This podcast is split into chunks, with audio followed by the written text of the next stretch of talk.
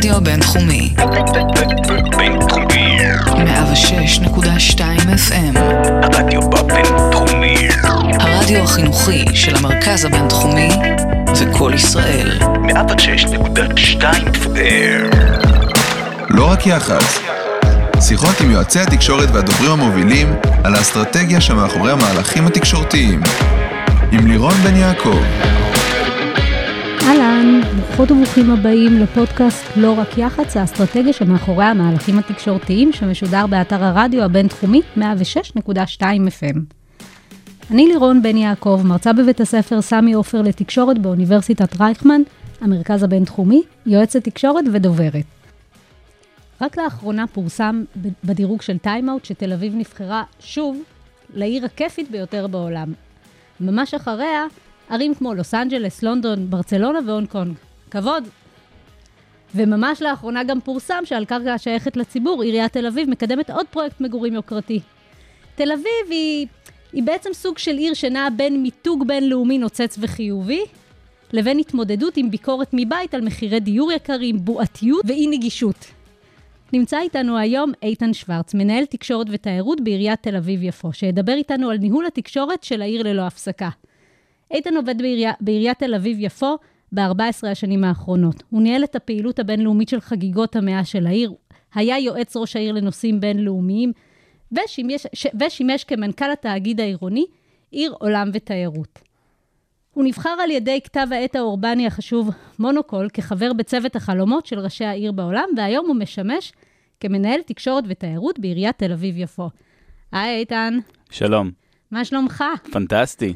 אתה בעצם נכנסת לתפקיד שלך ממש חודש לפני הקורונה. נכון. איזו עיר פגשת? עיר ללא הפסקה? כן, אה, וכמו שאמרת בפתיחה, אה, בכל התפקידים שעסקתי עד אז, אה, עסקתי בנושאים בינלאומיים בעיקר, ו-2019 הייתה שנת שיא מטורפת, מרגשת, מסעירה, חסרת תקדים לעיר. מזכיר לכולנו את האירוויזיון לפני שנתיים. אה, שיא התיירים, שיא ההשקעות, אה, שיא האקזיטים, שיא הסטודנטים הבינלאומיים, כמו שיש לכם כאן בבינתחומי, משהו באמת באמת פסגה שהכוכבים הסתדרו. אה, אז בביוגרפיה האישית שלי כמובן זה היה שינוי גדול, אבל גם מבחינת העיר, העיר עוברת ממוד אחד מאוד מאוד מאוד מאוד עיר ללא הפסקה, לעיר שלאורך הקורונה, כמו בכל העולם, יש הפסקות, והדבר הזה הוא שונה לחלוטין ממה שהורגלה נגיד בשני העשורים האחרונים. וכדובר, מה עשית עם ההפסקה הזו שהונחתה על העיר? תראי, כל הצוות שלנו בעצם נדרש למוד פעולה אחר. העיר והעירייה שלנו באמת, כמו שאת אומרת, זה המון המון המון המון עוצמות, אה, סוגיות שהן לא רק סוגיות עירוניות, אלא סוגיות לאומיות. כשהעיר תל אביב-יפו עושה משהו, יש לזה תעודה אה, ארצית, וכמו שאמרת, גם בינלאומית. ובשנתיים האחרונות, כמו כל עיר בישראל, כולנו התמודדנו עם קורונה על כל המשתמע, שזה בדיקות וחיסונים ובתי ספר וסגרים ועסקים, כל הדבר הזה, שזה פלח מאוד מאוד חשוב של העשייה העירונית, אבל היו פלחים אחרים שהעיר מצטיינת בהם ומפורסמת בהם, שהתקיימו בצורה הרבה יותר מינורית, וזה דורש מוד פעולה אחר לגמרי. כמו מה? למשל, צריך לתקשר כל שבוע בשבע שפות, איפה נערכות בדיקות הקורונה או חיסוני הקורונה. אז שבע השפות הן, נמנה אותם יחד, יש לנו תושבים כמובן ברובם דוברי עברית, יש לנו אוכלוסייה דוברת ערבית קטנה בעיר, יש לנו אוכלוסייה דוברת אנגלית, צרפתית, רוסית, ספרדית, אמהרית וטיגריניה, שזו השפה הפופולרית ביותר מבין כלל המהגרים הלא חוקיים שגרים בעיר. יש הרבה מאוד קבוצות. אז בסוף, בזה הקפת פחות או יותר את רוב האוכלוסייה. עכשיו זה מדי שבוע לתקשר את זה למנהיגות מקומית, למנהיגות קהילתית, כי אותם אנשים שעסקו באירוויזיון לפני שנתיים, עכשיו צריכים לדאוג שכל תושב דובר טיגריניה בעיר ידע שיש בדיקות סמוך בנווה שאנן. וזו משימה אחרת לגמרי, זה דברים אחרים לגמרי ממה שהמערכת התעסקה בהם. ואיך התמודדת עם הסגירה של מקומות הפנאי, הבילוי, המסעדות? בעצם מה שהופך את העיר תל אביב לעיר תל אביב, לעיר הכיפית בעולם, כמו שמגזין טיים עוד דירג אותה, אמ, לא היה. נכון. לא, לא היה, אבל עם הסתייגות מסוימת. אני רוצה להגיד משהו על הדירוג הזה, ברשותך, אה, כי מקשיבים לנו אה, חבר'ה שעוסקים ב, בתקשורת. אה, אנחנו עבדנו מאוד מאוד קשה בדירוגים האלה. אה, אני אספר כאן סוד, זה לא מגיע מעצמו. אה, כשכתב עת, עיתון, בלוגר, אה, טיק טוקר מכריז על משהו, הרבה פעמים יש אנשים מהסוג שלנו שעומדים מאחורי הקלעים ועושים את זה, והצוות שלנו עושה את זה כל הזמן. עד לפני שנתיים העיר הצטיינה בזה, ואם את זוכרת, תמיד היה מתפרסם בעיתונות, בטלוויזיה, היום דורגה העיר בתור אחת מעשר הערים הטובות לטבעונים, או צמחונים, או גייז, או בליינים. עבדנו מאוד מאוד קשה בדבר הזה, יש גם, אה, זה סוג של לוביזם תקשורתי, יש אגב גם לוביזם מהסוג הזה שהוא קצת חצי אקדמי. אנחנו עובדים גם מול גופים כמו הבינתחומי בעולם, אה, מול חוקרים שחוקרים אורבניות, שולחים להם נתונים כדי שכשהם מפרסמים מאמרים, ולדבר הזה יש גם תעודה, אנחנו נהיה שם במקום גבוה. אז הדבר הזה די נפסק ב-2020. העולם לא מתעסק, בכיף העולם מתעסק בדברים אחרים. אה, ורגע, מה הייתה השאלה? אני מיד אחזור לשאלה, אבל בעניין הדירוגים, כן. כשפאב מסוים או מסעדה מסוימת מדורגת במקומות גבוהים בעולם, כן. יש חלק לעירייה בדבר הזה? קודם כל הפאב מדהים, והמסעדה מדהימה.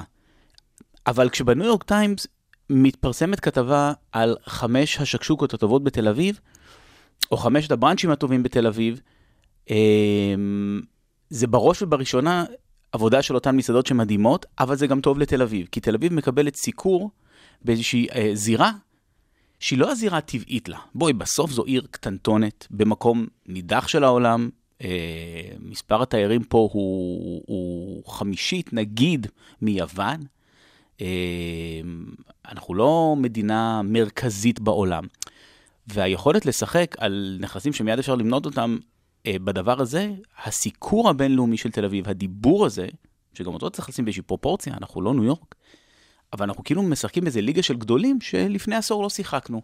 ולאותם מוסדות, כמו מסעדות, ברים, פאבים, מלונות בוטיק, יש חלק עצום בסיפור התל אביבי, כי היום התקשורת עוסקת לא בגדול אלא בקטן, ועוסקים באיזה מין מלון בוטיק קטן עם 12 חדרים שנפתח ברחוב מונטיפיורי, בחלק מה- מכלי התקשורת החשובים של העולם, והדבר הזה הוא מצוין לעיר, כי זה מדבר על המקום, אבל בעצם מדבר על העיר.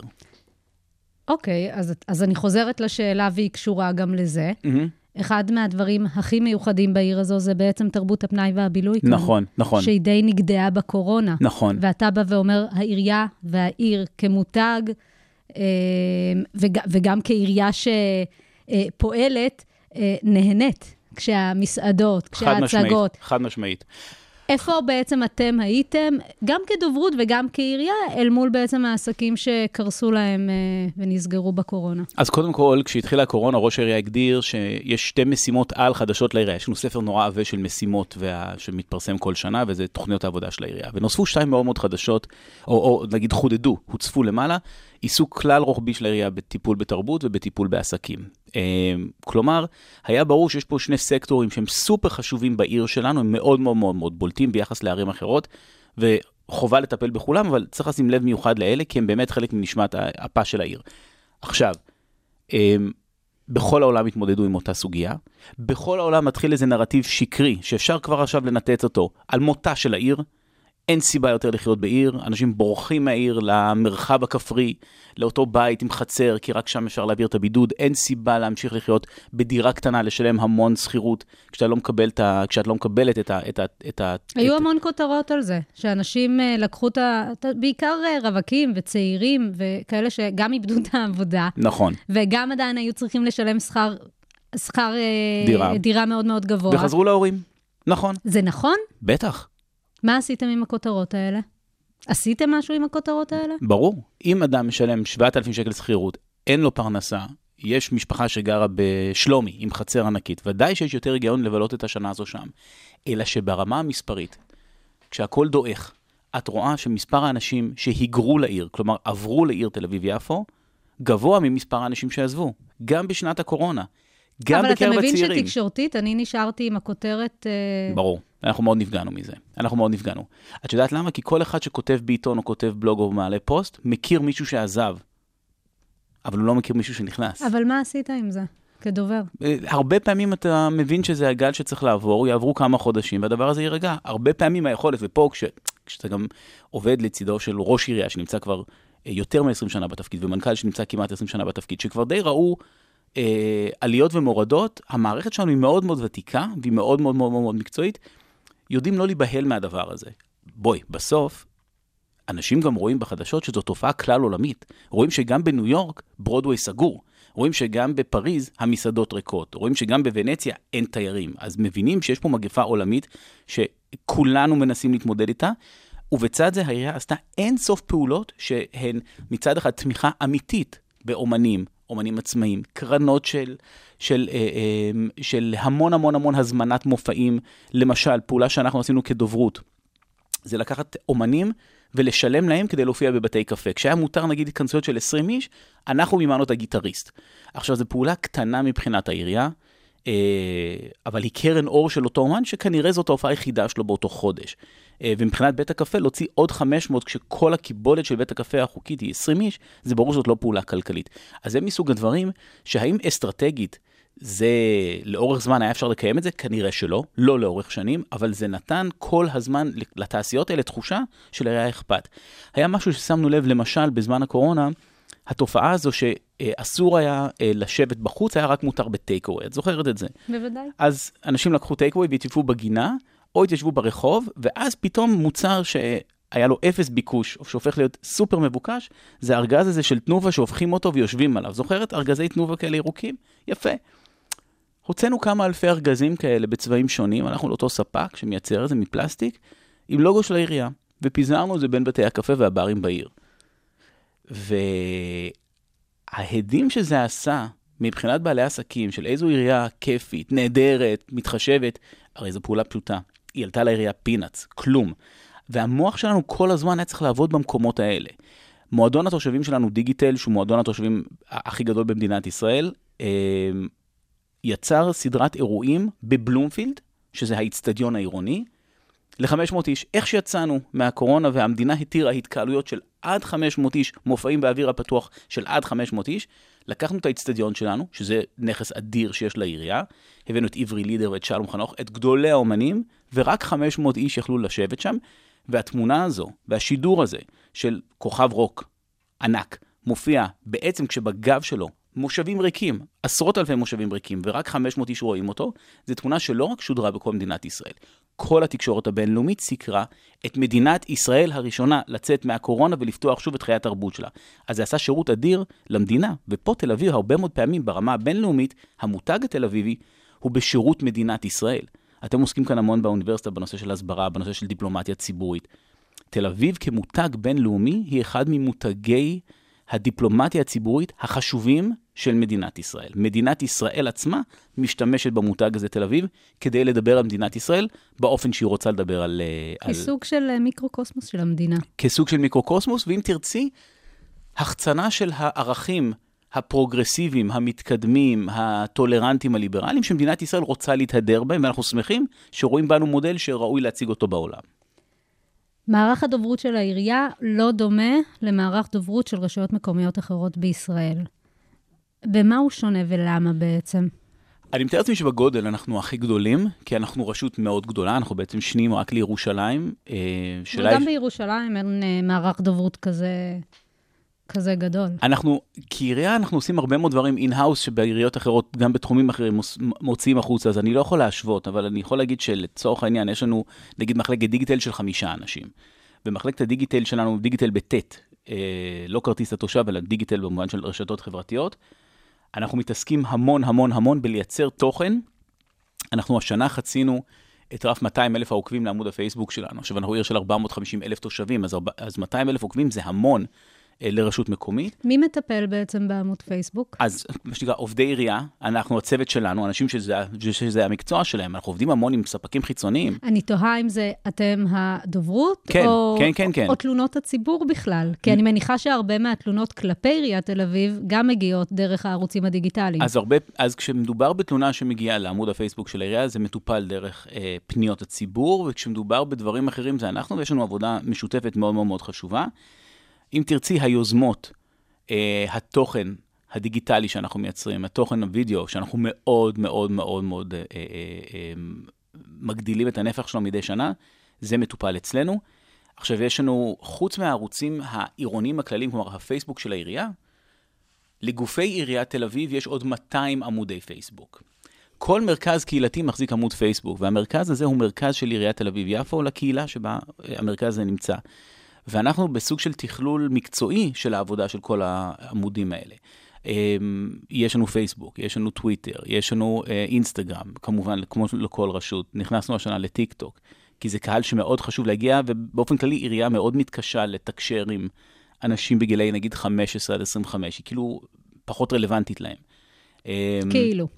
כאילו. אה, וכשאתה בן 16 או כשאת בת 17, לא בא לך שידברו איתך מהעירייה, נכון? אבל, אבל בכל זאת אנחנו רוצים uh, להתממשק מולם. אז יש לנו מערך עצום, עצום, עצום של רשתות חברתיות, ואנחנו יותר ויותר עוברים לשם. בשנת הקורונה מאוד מאוד גבר, אה, גברה המעורבות שלנו בער, בערוצי אה, תקשורת קהילתית, כלומר עמודי פייסבוק שכונתיים, קבוצות וואטסאפ, שבעיניי זו הפלטפורמה אה, הרשתית החשובה ביותר, שהמגרעת העיקרית שלה, שאני, שאנחנו מוציאים משהו החוצה ואנחנו לא יודעים, אה, אין לנו משוב.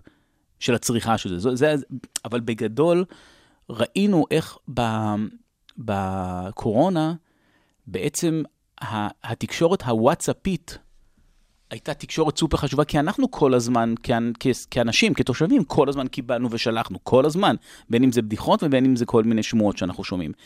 אמ, הנושא של הוואטסאפ עוד לא פיצחנו אותו עד הסוף, אבל אנחנו עובדים נורא נורא חזק בזה, שיש משהו שנקרא מנהל קהילה בעירייה, זה גוף עצום של 4,000 עובדים, של כל המרכזים הקהילתיים, ובעצם הם שותפים מרכזיים שלנו. כשאנחנו צריכים לידע משהו בשכונת כפר שלם, או בצהלה, אה, או בנווה שרת, אנחנו חייבים את אנשי הקהילה מטעם העירייה, שמתקשרים את זה לתושבים. והמגרעת של עיר גדולה, כמו שלנו, שבסוף אנחנו יודעים לתקשר ל-450 אלף איש מסר מאוד מאוד מאוד מאוד מאוד מאוד מרכזי. אבל להגיע לאיזשהו תושב קצה בשכונת שפירא, זה הרבה יותר קשה לנו. Uh, תל אביב בשנים האחרונות... אני חושבת שזה לכל uh, חברה בסדר גודל, אם להתייחס לזה לרגע כחברה, יותר קשה להגיע ללקוח הקצה ולהשיג ממנו תגובה. נכון, אבל אם תיסעי עכשיו לעיר קטנה במדינת ישראל, ל... במדינת ישראל עיר מתחילה להיות עיר מעל 20 אלף איש, אז אפילו לעיירה. אמ, את תמצאי שם במכולת שניים או שלושה מקומונים מודפסים. הפורמט הזה עדיין קיים. ובעצם הפורמטים האלה מסקרים את כל מה שקורה במה שבתל אביב הוא שכונה, שזה קהילה של 20 אלף איש. אשתי מגיעה מקיבוץ, ועד היום המוצר החשוב ביותר ביום שישי זה ידיעון כזה של הקיבוץ שהם קוראים. עכשיו הם גם דתיים, אז המוצר דפוס אצל חלק גדול מהציבור במדינת ישראל, לא רק שהוא לא נעלם, הוא בעצם המוצר המרכזי במשך יממה וחצי. בין יום שישי אחרי הצהריים למוצאי שבת, יש קהל עצום במדינת ישראל שהוא לא צורך אלא נייר. זה נורא נורא חשוב להבין את זה, כי נדמה לנו כשאנחנו מדברים בפודקאסט שזה נגמר. זה ממש לא נגמר. אה, זה ממשיך לחיות מאוד מאוד חזק, וכשתלכי לבית כנסת, תראי איך כל האנשים בתוך, הס... בתוך הסידור שלהם, הם מסתירים כל מיני עלונים שהם קוראים בהם בזמן התפילה. אז... שלא לדבר בשכונות חרדיות, שזו הדרך שבה בוודאי, הם צורכים תקשורת. בוודאי. ששם, דרך אגב, אה, לכאורה אנחנו חושבים ששם נגיד לוחות המודעות הם כלי תקשורת אה, אה, מרכזי ורק שם, לא.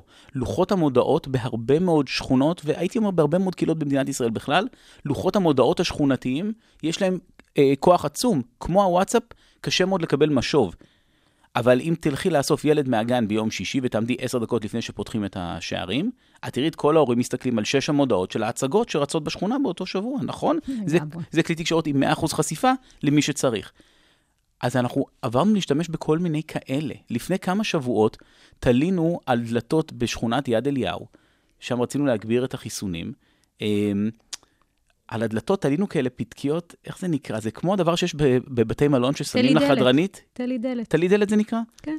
נא לסדר לי את החדר או נא לא להפריע. זה זה. זה זה. תלינו כזה עם, על מבצע החיסונים, כי בסוף זה ידני, זה כאילו old school, זה כאילו לואו-טק, אבל בסוף זה 100% חשיפה. לגמרי. זה 100% חשיפה. או מגנטים בשעת חירום. אז המון המון המון מהדברים האלה, לא רק שהם לא נעלמו, הם הפכו להיות יותר קריטיים בריבוי ערוצים. וואלה, הדברים האלה, אנשים עדיין נאחזים בהם. זה די מדהים שבאותה פסקה שהתייחסת לרשתות חברתיות, חזרת למגנטים על המקרר. יש מגנטים במקרר, תיכנסי לכל בית במדינת ישראל. ויש מספר טלפון של פיצה צחי. של הסושי, אני חשבתי, נכון, אבל כן. נכון, נכון. איך אתה כדובר מתמודד עם המתח? התייחסנו לזה לרגע. בין ה... זה בעצם משולש. יש את המותג ש... שהיא תל אביב, יש את העירייה, שהיא בעצם מקום, ה... מקום העבודה, אה, ויש את ראש העיר, רון חולדאי, שהוא מותג בפני עצמו. נכון. איך, אני בטוחה שאתה בתוך הדבר הזה צריך לג'נגל הרבה פעמים. זה לא לג'נגל, אני חושב, כמו ה... העירייה עשתה קפיצת דרך ענקית, ואני אתן את הקרדיט לקודמיי, בכלל בעירייה ובטח בדוברות. אה, עד לפני עשור וחצי, שניים, אה, הייתה הבחנה מאוד מאוד ברורה, או יותר ברורה, שאנשים אהבו את העיר ושנאו את העירייה. או לא אהבו את העירייה, או חשבו שהעירייה מסואבת, או שהעירייה לא יעילה. העירייה עשתה צעדים מדהימים בתחום הייעול והשירות ומהפכת השירות שהעירייה עשתה, והיום אנשים אוהבים את העיר ואוהבים את העירייה, או לפחות מייחסים חלק גדול מהכיף של העיר והטוב של העיר והשפע של העיר והאנרגיות של העיר לפעולות העירייה. יש פעם- לך סקרים שתומכים ברור, בדבר? ברור, ברור. זה היה מאוד מאוד ברור שאנשים אומרים, אחלה עיר, אבל הם לא חשבו שלעירייה יש חלק בזה. דיברו על חיי הלילה והמסיבות והצעירים והתרבות, ולא לא עשו לינקג' בין זה לבין מי שעומד, בה- הפקידות, אותם אלפי אנשים שיושבים בבניין העירייה ועובדים בשירותם. הם לא ראו קשר בין הדברים האלה, או ראו קשר אה, הרבה יותר אה, אה, מופחת, והעירייה עשתה, זה, אני מדבר איתך כבר 20 שנה של תהליך, של המון המון המון המון המון פעולות, אה, שלא קשורות בכלל לדוברות, אבל בסוף שביעות הרצון של התושבים היא הרבה יותר גבוהה. עכשיו, יש לנו באמת ראש עירייה שהוא כנראה מהוותיקים בעולם. אין הרבה אה, ראשי עיר שנבחרים חמש פעמים ברציפות לקדנציות כל כך כל כך אה, אה, יציבות אה, ברמה בינלאומית. והזיהוי שלו עם העירייה ועם העיר הוא טוטאלי. אה, הוא דמות מאוד מאוד מעניינת, זה לא ראש עיר לא מעניין. יש, יש, אה, עכשיו שדיברו בגרמניה על זה שהיו מתמודדים שהם לא מעניינים, זה לא המקרה שלנו, זה אדם שהוא אה, מצד אחד מאוד מאוד מעניין, ומצד שני, אה, הוא לא אוהב תקשורת במיוחד, כלומר הוא מדבר כשצריך, אבל הוא לא רץ אחרי זה. אז זה משמר אותו כדמות שכשכבר יש לו משהו להגיד, כולם רוצים לשמוע. גם יודעים שיהיה מעניין, וגם זה לא קורה כל הזמן. אה, הוא מאוד מאוד מאוד מאוד מוערך על ידי התושבים, אה, והוא מאוד מאוד מובהק. הוא מאוד מאוד מובהק. הוא לא, אה, הוא לא, מאוד ברור העולם הערכי שלו, אז אפשר, ו- ואנשים אומרים, יכול להיות שאני לא אוהב את הדעה שלו, אבל אני מעריך את זה שהוא קונסיסטנטי בה לאורך שנים, והוא, והוא מנהל על פי את העיר. ה- תמיד, תמיד, תמיד המשימה של אנשים כמוני, אה, בתפקידים שלנו, זה אה, שכל מה שטוב בעיר ידבק בנו, ושכל מה שרע בעיר זה לא אנחנו. נכון, זה בסוף, זה בסוף המשימה שלנו, אה, ואנחנו עושים את זה במידה רבה של הצלחה, אני חושב. אנשים אומרים, אחלה עירייה, וכשרע, אנחנו... נוח לנו להפנות האצבע למישהו אחר, ולפעמים אבל זה כן אנחנו, ואז אנחנו נאלצים להתמודד עם האמת. אה, וגם להתנצל וגם להגיד טעינו, זה גם קורה, זה גם קורה. אתה מתייחס ל... לראש העיר אה, רון חולדאי, ובבחירות האחרונות לכ... לכנסת הוא, הוא גם מתמודד. איפה בעצם אתה, הדוברות של העירייה, היו בתוך, ה... בתוך הדבר הזה? הייתם? לא, לא, הייתם? לא, לא, לא, הייתה הפרדה מוחלטת. כש, כשהוא מועמד פוליטי, מרגע שהוא מכריז על המועמדות שלו, הייתה לו, היה לו מטה, היה לו צוות, היה לו, הייתה לו, היה לו צוות תקשורת מאוד מאוד רציני, שטיפל בתקשורת שלו כמועמד. הייתה הפרדה מוחלטת. זה לא דבק, לטוב ולרע. ב- בתל אביב, ההתמודדות שלו לכנסת? ממש לא, לא. אה, המערכות כל כך אה, מקצועיות ויציבות אצלנו, אה, שהמערכת תפקדה, הוא תפקד גם כראש עירייה. לא, זה לא דבק. וזו גם הייתה אפיזודה קצ- קצרה, לא מדובר על איזה, זה, זה היה כמה שבועות, או... וזה זה היה קצר, וזה נגמר, והוא למחרת, אה, מה שנקרא, המשיך כרגיל. ולא נשארו פירורים. לא. אוקיי. לא. ואם את שואלת, אנחנו מדברים פה על אה, מותגים, אני חושב שרוב הציבור שאני מדבר איתו, אומר, אוקיי, הוא ניסה. כל הכבוד לו שהוא ניסה. מדהים. כלומר, זה... זה לא נתפס ככישלון אפילו. להפך, הוא ניסה, הוא ראה שהוא לא תורם לקונסטלציה, אז הוא לקח צעד אחורה, מצוין, והוא... אנשים ש... אני חושב שאנשים מאוד מאוד מעריכים אה, אה, מי שמוכן להעז, ו... ו... ו... ו... ו... בוא, בכלל בחברה שלנו הישראלית... אה, אבל הוא עשה את זה עם, uh, בצורה מאוד נוחה. זה לא שהוא עזב תפקיד, זה לא שהיה לו מה להפסיד. הוא העז כשהוא ידע שיש לו לאן ליפול לאחור. אה, נכון, ועם זאת, בואי, להיות אה, במעמדו, אה, אחרי שהוא מנהל בהצלחת העיר מעל 20 שנה, לקחת ריזיקה, זה לא לא, דבר. שכולם, זה לא דבר שכולם היו עושים. לא. לא. אני זוכר, אגב, שנשיא האוניברסיטה הזו, שלפני 20 שנה הלך לפוליטיקה הארצית, נכון? עם, עם מפלגת קדימה היה דבר כזה, ואז הוא חזר, נכון? מישהו זוכר את האפיזודה הזו? הוא רצה להשפיע על מדינת ישראל, ראה שזה לא מסתדר כמו שהוא רצה. חזר, אה, חזר תפקד בראש המוסד שהוא הקים, והוא, ואני, זה נורא דומה, אני חושב. הוא ממש פרש לאחרונה. כן, הוא פרש לאחרונה? רייכמן, כן. אוקיי. בנובמבר 20 פורסם שתל אביב עלתה למקום החמישי ברשימת הערים היקרות ביותר בעולם של האקונומיסט, אאוץ'. ונראה שלמרות שיש שכונות חלשות, תל אביב היא עדיין עיר יקרה, היא נתפסת כעיר של אלי, אליטה שמנותקת, בישראל, שמנותקת מישראל, מ- מריקי מחדרה. אה, הרבה קוראים לה מדינת תל אביב.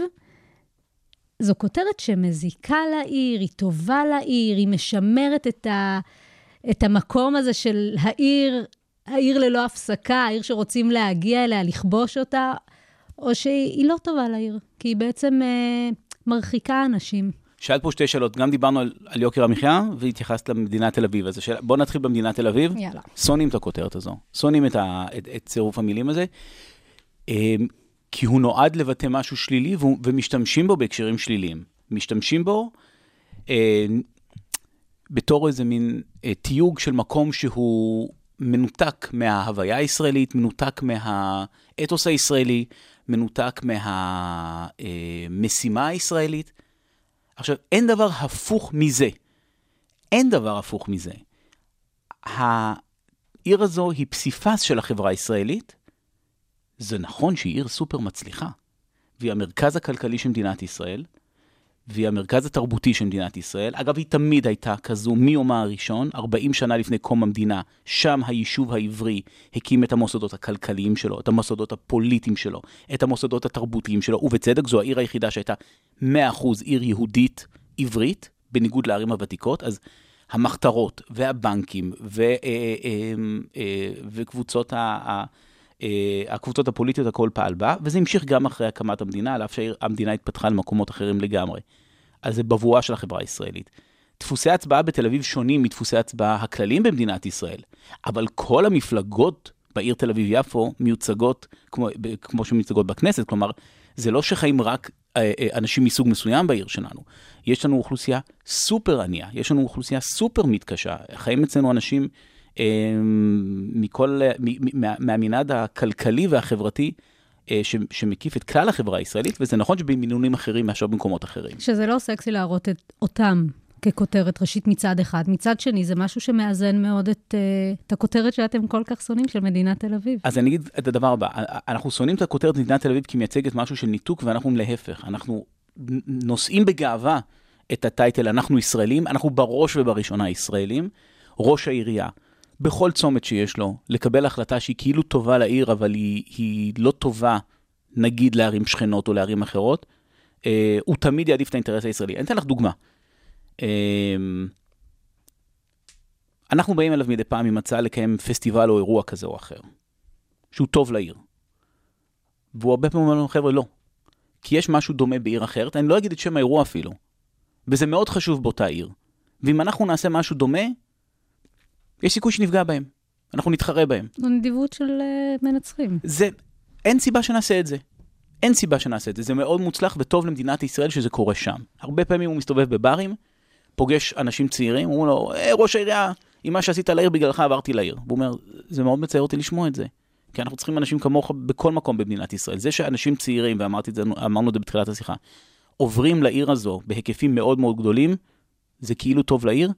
זה רע למדינת ישראל, שיש תחושה שכדי להיות יצירתי, מצליח, להתקדם, ש, ש, שרק בעיר אחת גדולה זה יכול לקרות. זה לא טוב. אני גם זוכר תקופות אחרות במדינת ישראל, שזה לא בדיוק היה ככה, היה יותר ביזור, וזה נכון שמה שקרוי בעולם האורבני ה-creative class, נוטה יותר ויותר בכל העולם, בעשורים האחרונים להתרכז בעיר אחת מרכזית, זו תופעה שהיא לא טובה למדינה, היא טוב. היא כאילו משרתת את העיר, אבל בעצם היא לא טובה למדינה, ואנחנו תמיד מעדיפים את טובת המדינה. אז במובן הזה, מדינת תל אביב שונאים את, ה, את הטייטל הזה. יוקר המחיה זו סוגיה ענקית, קשה, מכאיבה. נגיד ככה, יוקר המחיה במדינת ישראל הוא שערורייתי, והשפיץ שלו תמיד קורה במקום הכי מבוקש, וכשמדובר ביוקר המחיה מדברים בעיקר ביוקר הדיור ויוקר הדיור בשפיץ הוא תמיד הכי יקר, וזה שערורייתי. אין ספק שמחירי הדיור בעיר, ו... אבל בואי, מחירי הדיור במדינה, אבל איתן, לא איך הגיוניים. אתה כדובר מתמודד עם זה? ראיתי לא מזמן כתבה על זה ששטח של שלושה דונם בנווה צדק נמכר ב-200 מיליון שקל או דולר. אני כאילו לא זוכרת, כי המספרים היו כאלה אסטרונומיים. והוא נרכש לפני פחות מעשור ב-120 מיליון. מה, כאילו משהו שהוא... עשו שם סיבוב של 80 מיליון שקל, נכון. עכשיו, אני לא שואלת על, ה, על, על הנושא, איך אתה מתמודד עם זה? כאילו, כותרת כזו, היא, לא, היא מרחיקה. כאילו, נכון, זה יוקרתי, נכון, זה... אבל בסוף המסר הזה הוא לא, הוא לא חיובי. איך אתה מתמודד עם זה? אנחנו מאוד מאוד מאוד מנסים להדגיש את סל השירותים העצום שהעירייה מעניקה בחינם או בסבסוד ענק כדי להקל על יוקר המחיה. עכשיו, הרשימה אינסופית מחוגים מסובסדים לתגבור בשכונות מסוימות, להזנה חינם באזורים מסוימים וכולי וכולי וכולי וכולי, אבל בסוף, בסוף, בסוף, בסוף, אה, דירה שלפני כמה שנים היינו שוכרים ב-5,000 והיום אנחנו שוכרים ב-7,000, זה, זה, זה מספרים שהיות שהמשכורות במדינת ישראל לא מדביקות את הגידול במחירי הדיור, הנושא של מצוקת הדיור ויוקר הדיור בעיר ובמדינה הוא נושא אמיתי. אין תשובות דוברותיות שאפשר להסביר למה הדירה עכשיו עלתה ב-50% תוך עשור. זה, זה לא מה שאני שואלת. אני שואלת איך אתה מאזן בעצם את הדבר הזה. איך אתה בעצם מייצ- עושה איזשהו ניהול סיכונים של, ה, של המצב הזה, כדי להגיד, סבבה, זה 7,000 שקל, אבל הנה. אה, ברור, זה ש... תראי, בסוף, אני חוזר שוב לאותה נקודה, יותר אנשים בוחרים לעבור לעיר מאשר לצאת ממנה.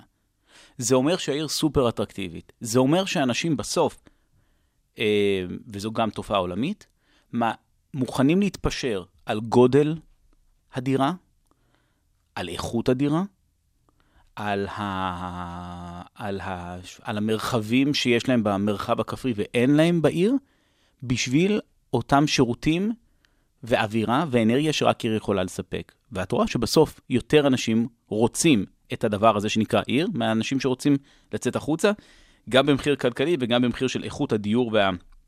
והמגורים שלהם. אז בסוף, בסוף, בסוף המספרים מנצחים. אם העיר הייתה יקרה ואנשים היו עוזבים אותה, זו בעיה יותר חמורה. הבעיה שיש לנו שאנשים מגיעים אליה למרות שהיא יקרה, אז זה רק אומר עד כמה היא אטרקטיבית, ועם זאת אין ספק שיוקר המחיה זה משבר, זה המשבר הכלכלי הכי גדול במדינת ישראל כבר לפחות שני עשורים. אה, ו- שהמקום בעצם שלך כדובר זה בעצם להראות את, ה, את הערך המוסף. את הערך המוסף, את המאמצים שאנחנו עושים כעירייה, אנחנו אה, בשלבי ביצוע של אלפי יחידות דיור, של דיור בר השגה ודיור אה, במחירים מפוקחים, בסבסוד עירוני עצום עצום, ואנחנו הרשות היחידה שעושה את זה. הרשות היחידה שעושה את זה. אבל היות שכל מדינת ישראל בסוף זה שוק דיור אחד, אז אלפי משפחות תל אביביות תהננה מדיור אה, בר השגה, אבל בסוף זה לא משפיע על המחירים במדינת ישראל. כן. המחירים, המחירים במדינת ישראל ממשיכים להיות מאוד מאוד מאוד מאוד גבוהים.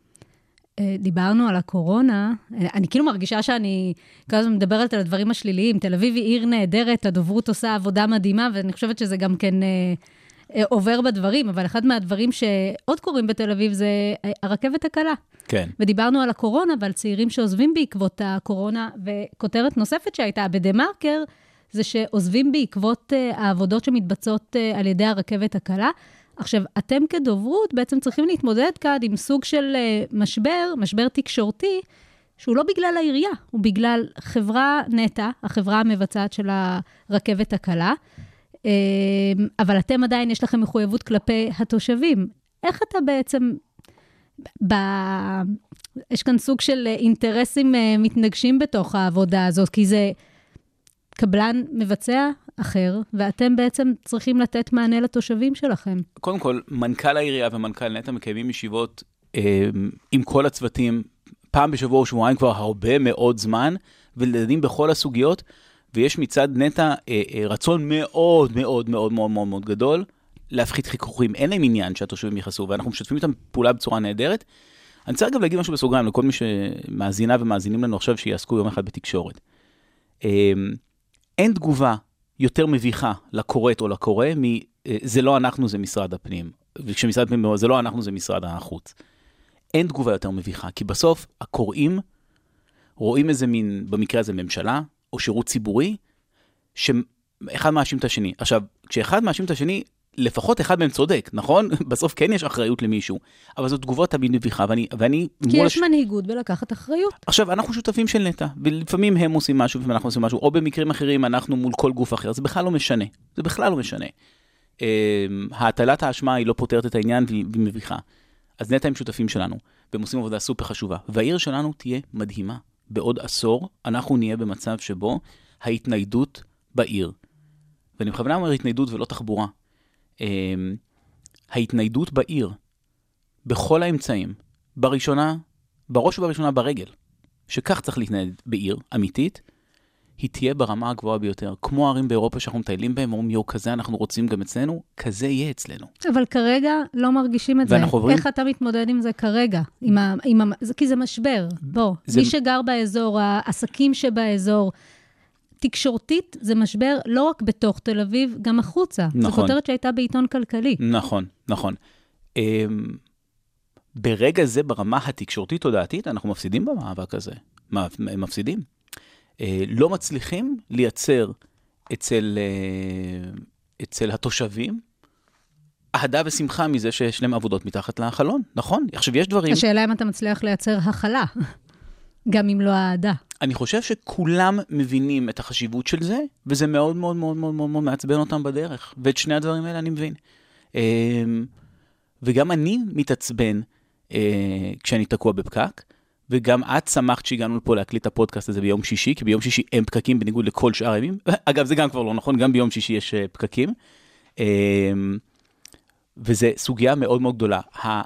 מה שאני חושב אמ, משרת אותי טוב, בהקשר עכשיו המקצועי שלנו, שיש לנו מנהיגות עירונית נחושה. כלומר, זה יקרה. זה יקרה.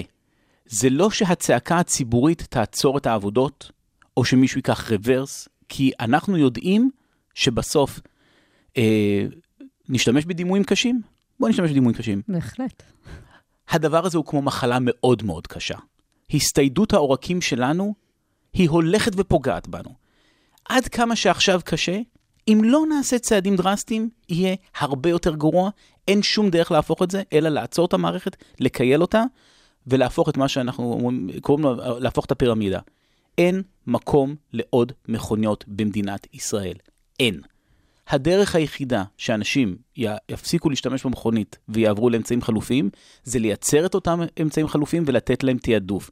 זה אומר שבסוף על המשאב הכי הכי הכי יקר, שנקרא שטח, צריכים לעשות חלוקה מחדש. כשאתה מחלק משהו מחדש, כשאתה מחלק עוגה מחדש, מי שמקטינים לו את החלק שלו בפאי, מאוד מאוד כועס. ומי שמגדילים לו את החלק בפאי, מאוד מאוד שמח. ברגע זה, אלו שהגדלנו להם את החלק בפאי, עוד לא רואים את זה.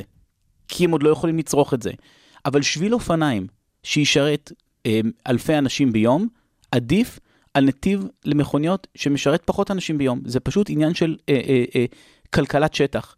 מכונית היא דבר אגואיסטי, כשאדם יושב בתוך קופסת פח, מזהם את הסביבה וגוזל המון המון המון שטח, ואוטובוס הוא דבר דמוקרטי, ש-50 איש יושבים באותו שטח ונוסעים ממקום למקום. נכון, וזה מסר שהוא מאוד מאוד נכון, רק שכרגע מאוד קשה לתושב בסוף אה, לראות את זה. התייחסת לפני כן על הקורונה ולקהילתיות בשכונות שמאוד מאוד התחזקה. אה, אחד מה... עוד משבר גדול שהיה בשנה האחרונה זה בעצם המאורעות האלימו... ה... אה, האל- האלימות שהייתה ברחוב הערבי ב... ביפו, ו- ואני מנסה אה, לה... להבין מה החלק שלכם בשמירה על היציבות של הקהילתיות הזו. כי בעצם אחד מהדברים המקסימים ביפו זה בעצם ה... האחווה והשותפות והשכנות הטובה בין התושבים היהודים לערבים, שהיא היא נפגעה. נכון. איך התמודדתם עם המשבר התקשורתי הזה? זה היה סופר, אה, סופר, אה, סופר קשה. אני רוצה אגב להגיד משהו על הדבר שנקרא אה, משבר תקשורתי. אה, להגיד, לדבר על משהו שלא דיברנו עליו עכשיו, ואני אחזור ליפו, אני לא מתחמק מזה. שימי לב, את מצטטת המון המון המון המון אה, אה, מאמרים, כותרות, ידיעות, ובוא נשים פה משהו שהוא מאוד מאוד מאוד משחק לטובתה של תל אביב, לפעמים, לפעמים לרעתה, תלוי בסיטואציה. וזו סיטואציה שרגע צריך להגדיר אותה למאזינים שלנו. כמעט כל כלי התקשורת במדינת ישראל, וכמעט כל מי שעובד בהם, הם בעיר שלנו. זאת מרכזיות שיוצרת אה, דיספרופורציה בסיקור של תל אביב. לחיוב ולשלילה. לחיוב ולשלילה. אה, כשהתחזית משודרת מהים שלנו, זה פנטסטי, קוראים את הים שלנו.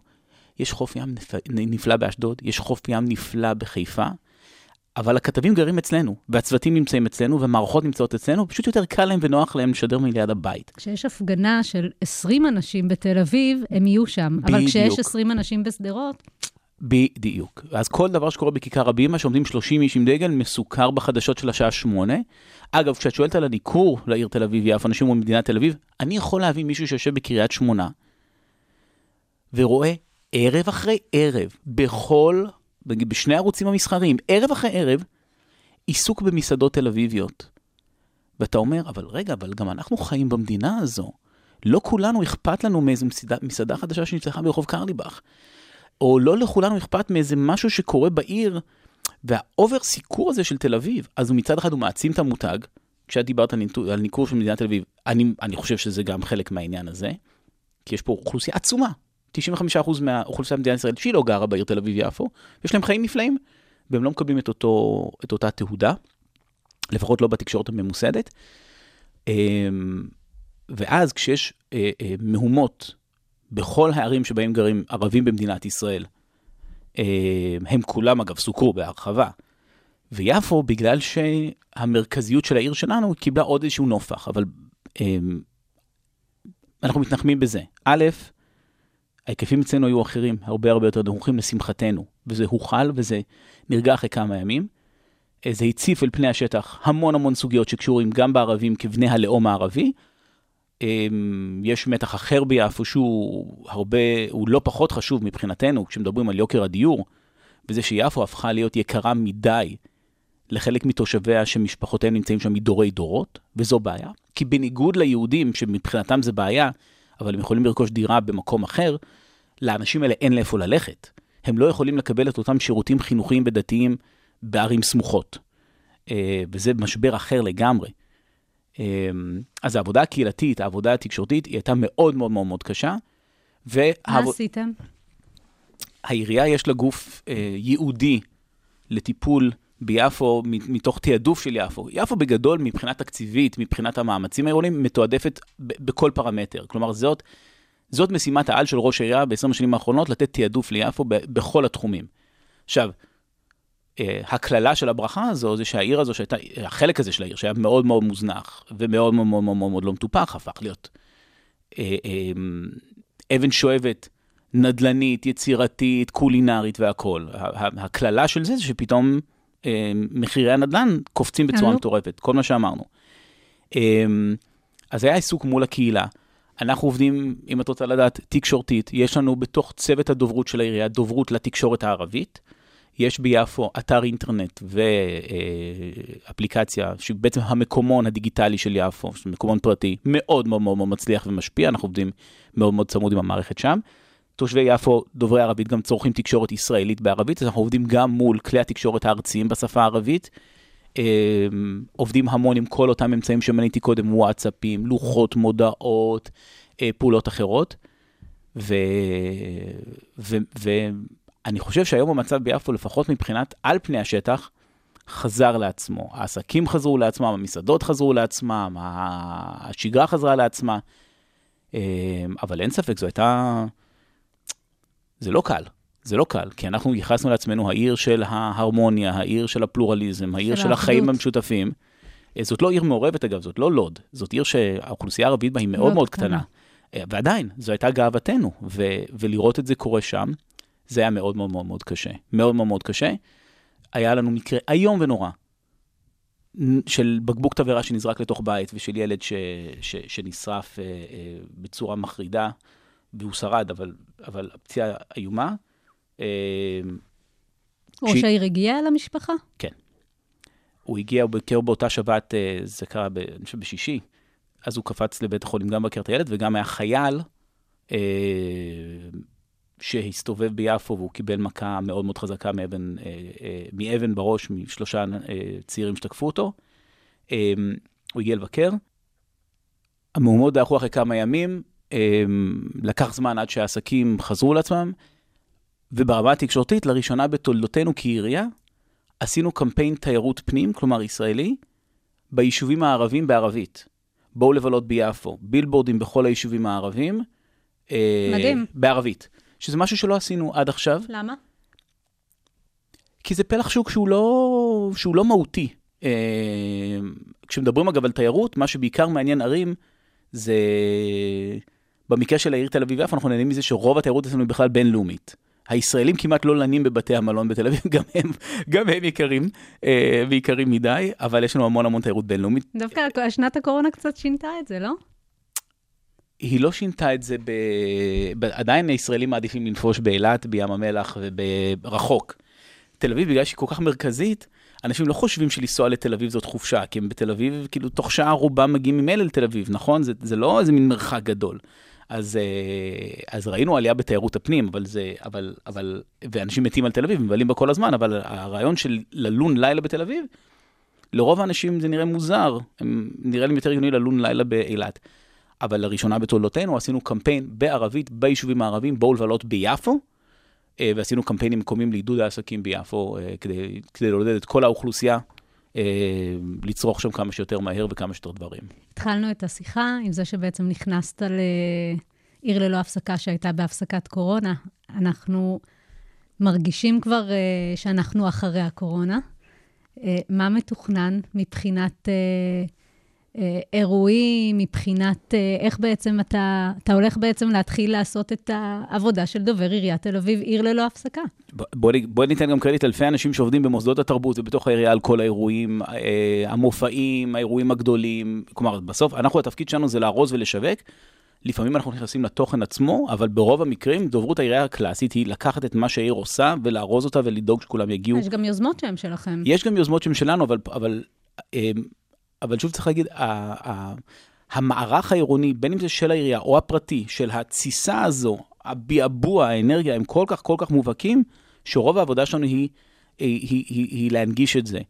אמ, אז העיר חוזרת לעצמה, העירייה חוזרת לעצמה, הדברים הגדולים שהעיר התאפיינה בהם בעבר יקרו. אמ, ואני חושב שהשנה הקרובה נראה את ההתאוששות. מאוד מאוד מקווים לראות את ההתאוששות בתיירות הבינלאומית, כי זה מאוד מאוד מאוד מורגש.